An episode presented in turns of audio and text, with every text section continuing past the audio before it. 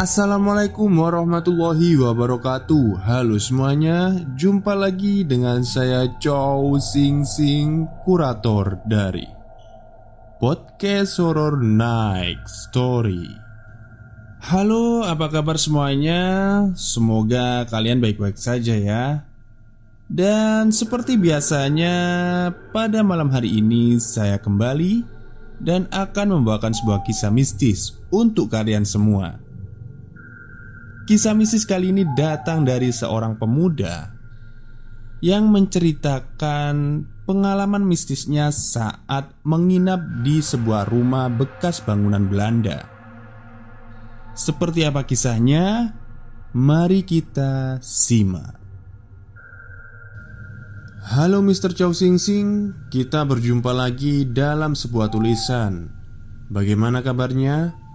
Saya harap Lagu The Secret yang saya kirimkan dulu tidak terlalu sering diputar.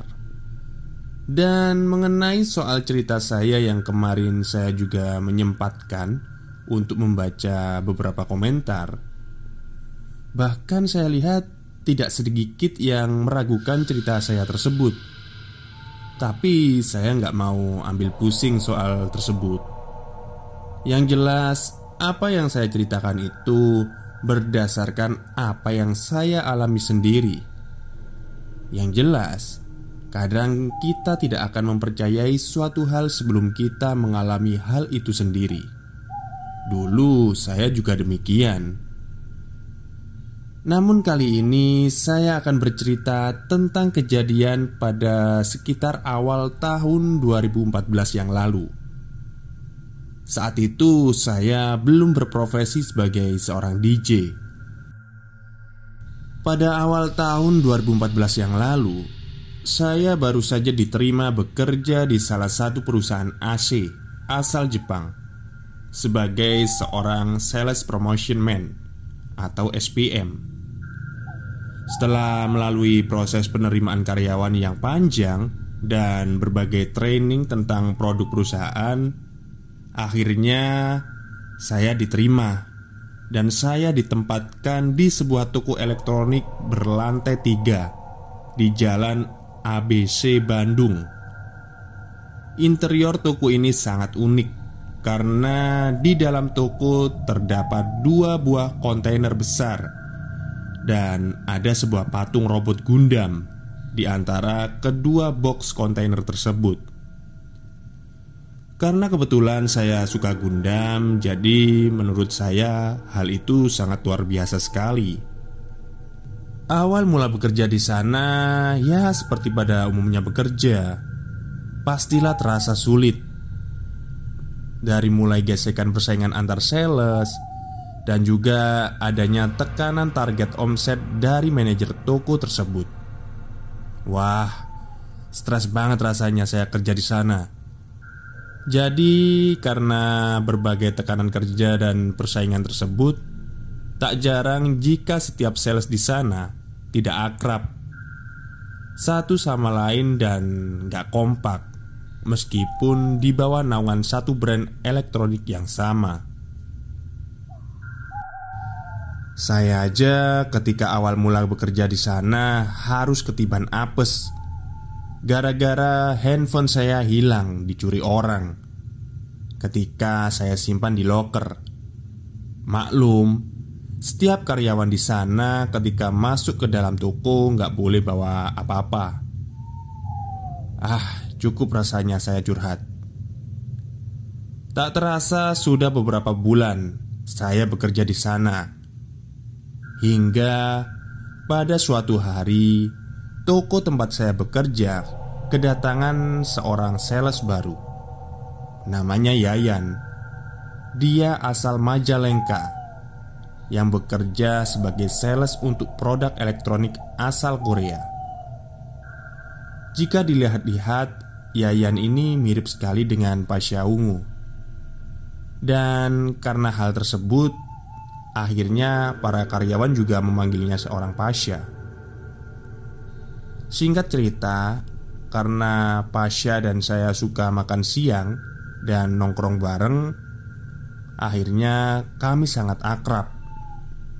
Dan saya juga senang waktu itu karena setelah sekian bulan kerja di sana, akhirnya saya bisa dapat teman juga. Meski brand AC saya dengan brand AC-nya si Pasha ini beda, tapi kami nggak peduli dengan semua itu. Teman tetaplah teman. Pasha ini sering sekali terlambat masuk kerja. Dia bahkan sering dipanggil ke ruang HRD karena hal tersebut.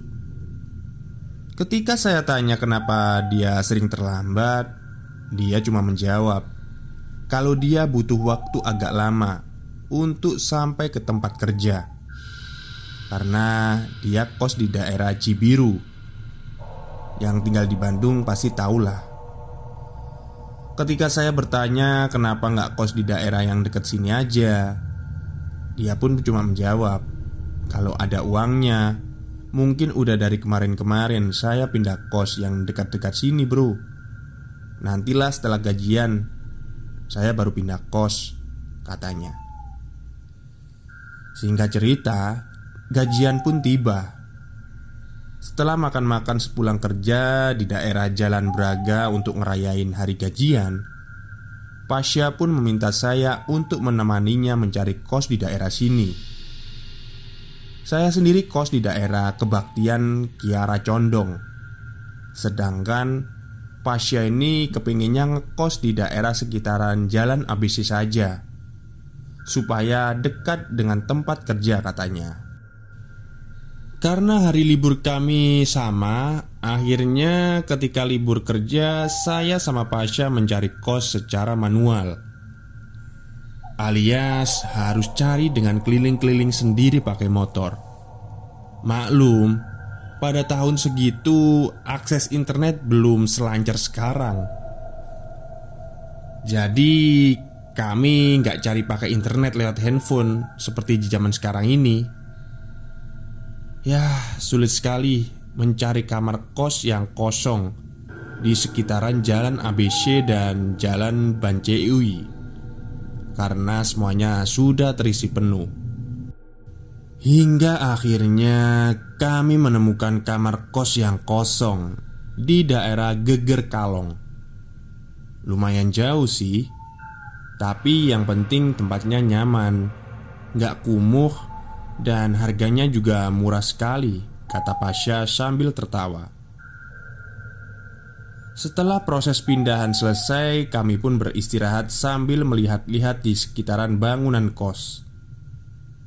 Saya ceritakan sedikit deskripsi bangunan kos ini ya. Bangunan kos ini terletak di daerah Geger Kalong. Bangunannya ditutupi oleh pagar dari tanaman yang cukup tinggi. Ketika membuka gerbang masuk, kami langsung disambut dengan rimbunya tanaman-tanaman hias dan dua buah rumah. Bangunan rumah pertama di depan pintu gerbang bergaya rumah Belanda zaman dahulu. Sedangkan tempat pasya ngekos itu di bangunan yang kedua di samping kirinya. Dalam rumah tersebut hanya ada beberapa kamar saja yang disewakan. Kamar yang Pasha tempati di lantai tiga. Ketika masuk ke rumah tersebut Kami berdua langsung disambut dengan berbagai perabotan antik Yang terbuat dari kayu jati.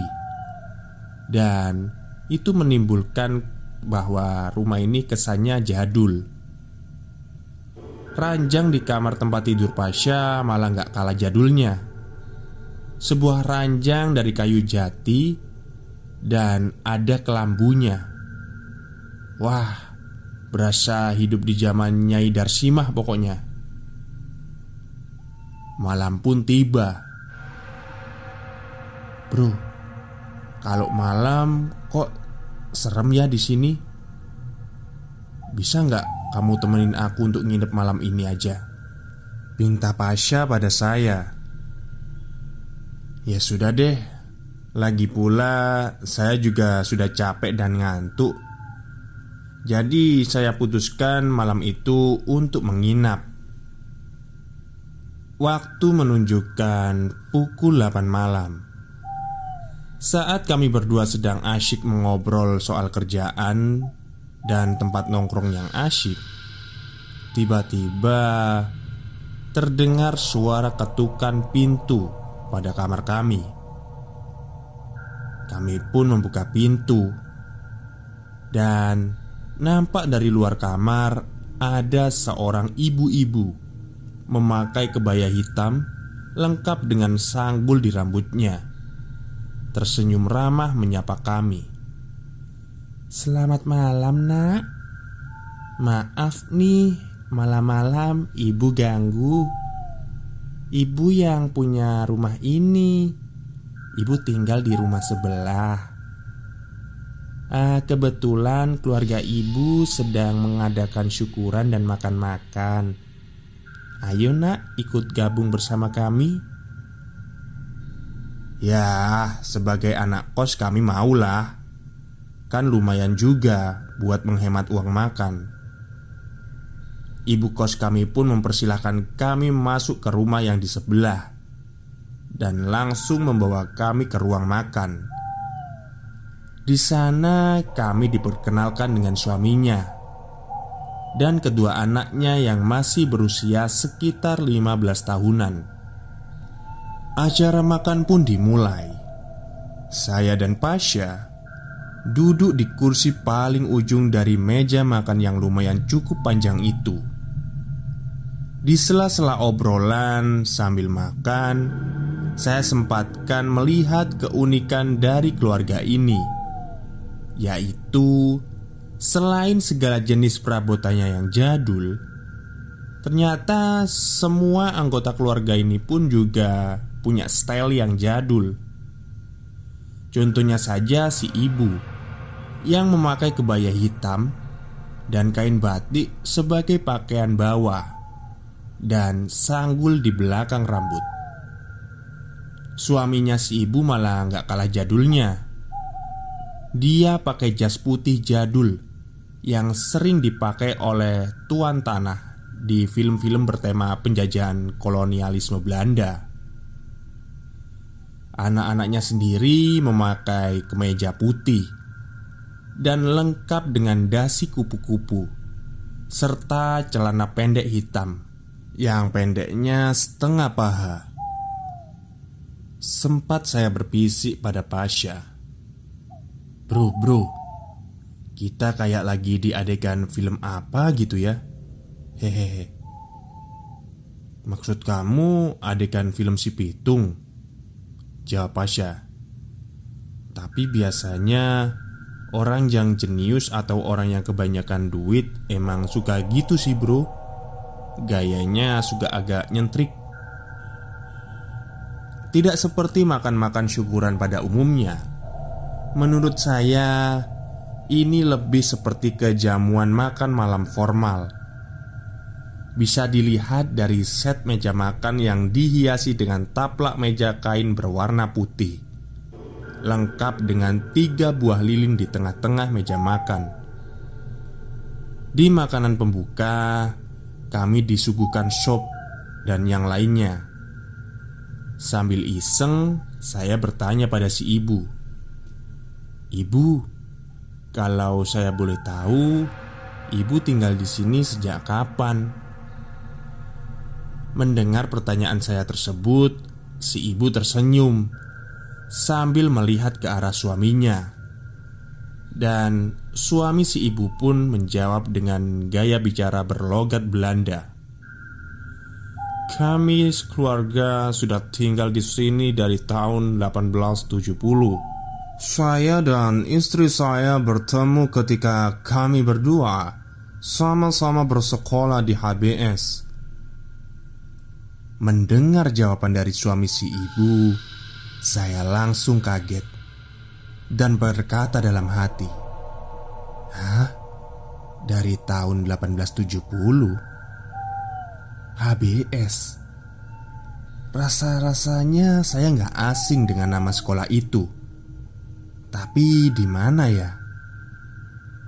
Saya pun tersenyum dan tertawa kecil mendengar jawaban dari suami si ibu. Sedangkan Pasha masih sibuk dengan makanannya. Hingga sampailah kami pada menu hidangan utama. Saat itu si ibu membawa sebuah piring besar Yang ditutup oleh tutup saji yang terbuat dari penutup aluminium Dan meletakkannya di tengah meja makan. Ketika penutup aluminium tersebut dibuka oleh si ibu, saya dan Pasha kaget melihat apa yang tersaji di dalam piring besar tersebut. Piring tersebut berisi satu ekor babi hutan yang berukuran kecil dan dipanggang utuh, lengkap dengan dua taring yang memanjang ke atas. Dengan pisau, si ibu memotongkan daging babi hutan tersebut dan meletakkannya di piring saya dan piringnya Pasha. Dan ketika si ibu duduk dan mempersilahkan semuanya untuk makan, Pasha langsung bicara.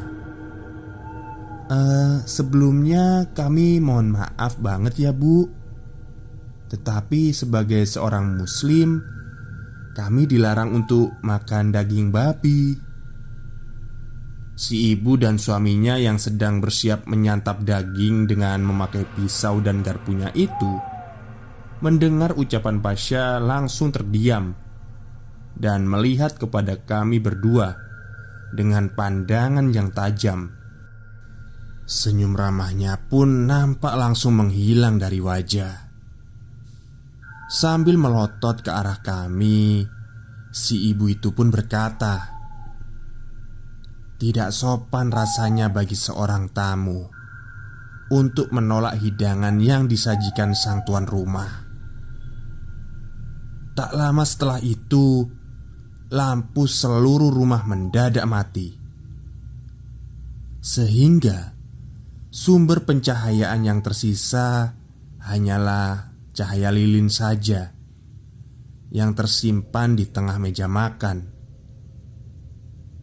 Saat saya dan Pasha melihat di sekeliling, kami berdua kaget dikarenakan tatapan si ibu dan suami serta anak-anaknya masih tetap melotot ke arah kami.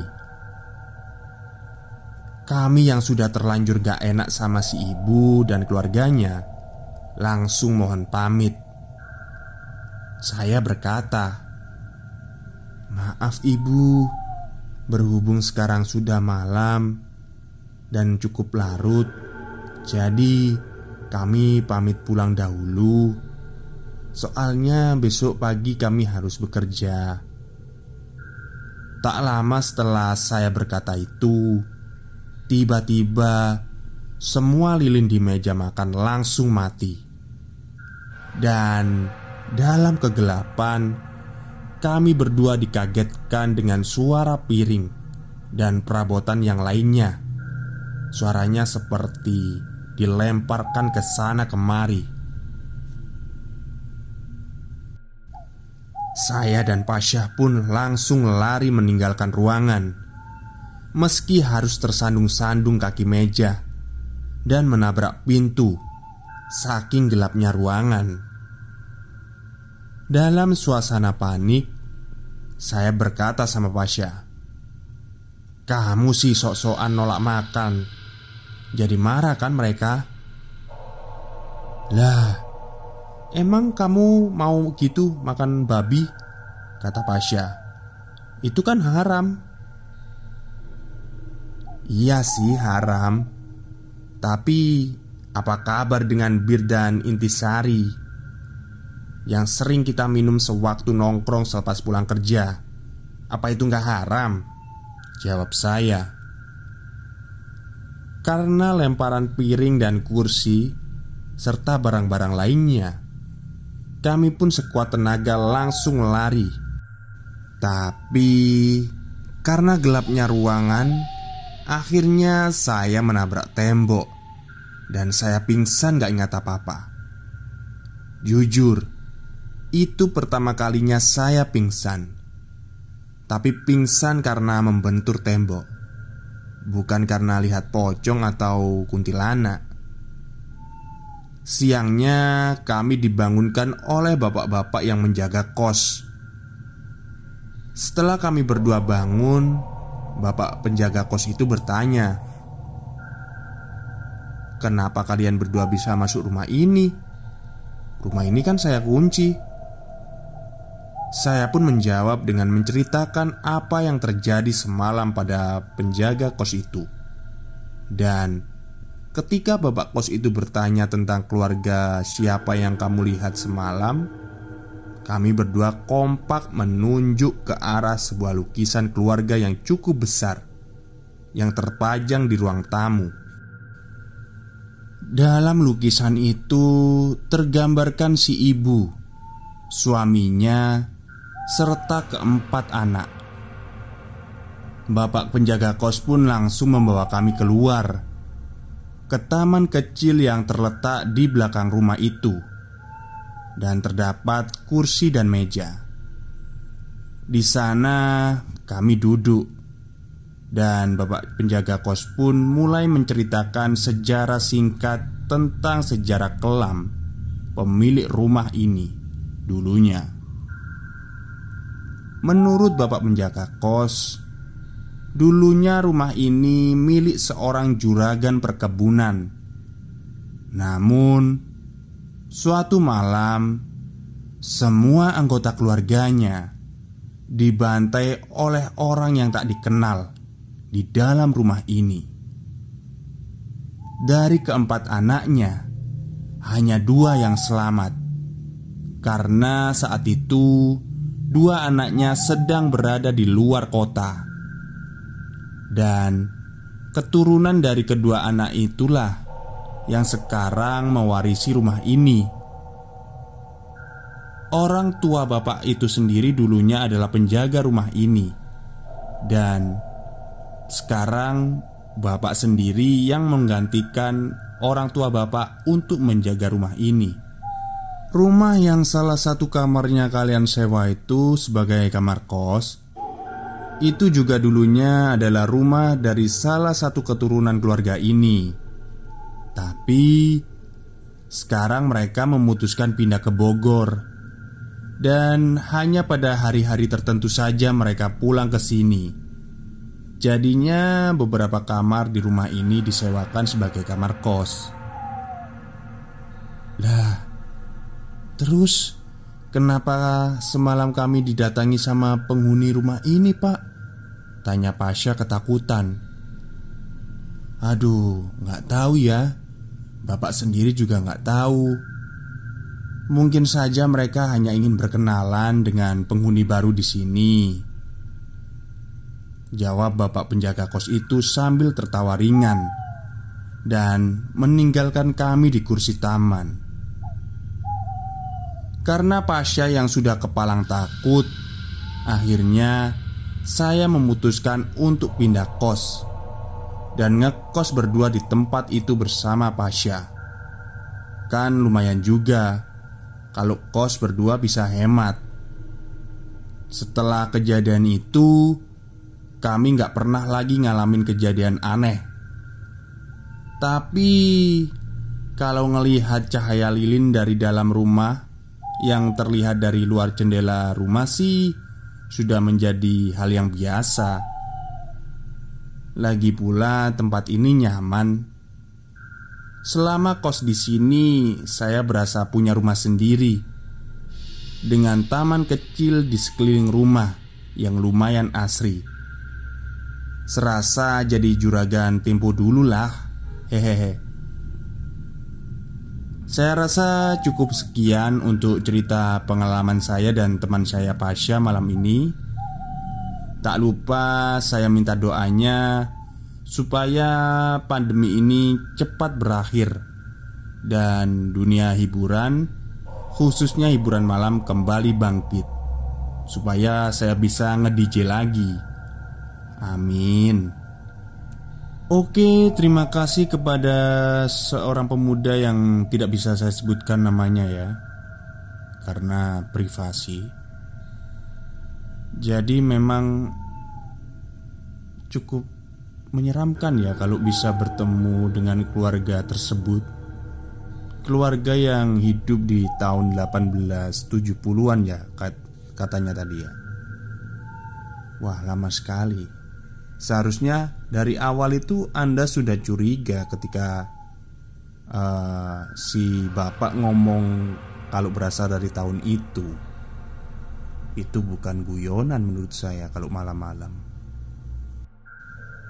Oke, terima kasih kepada kalian yang sudah mendengarkan podcast saya pada malam hari ini. Semoga kalian semua terhibur. Selamat malam dan selamat beristirahat.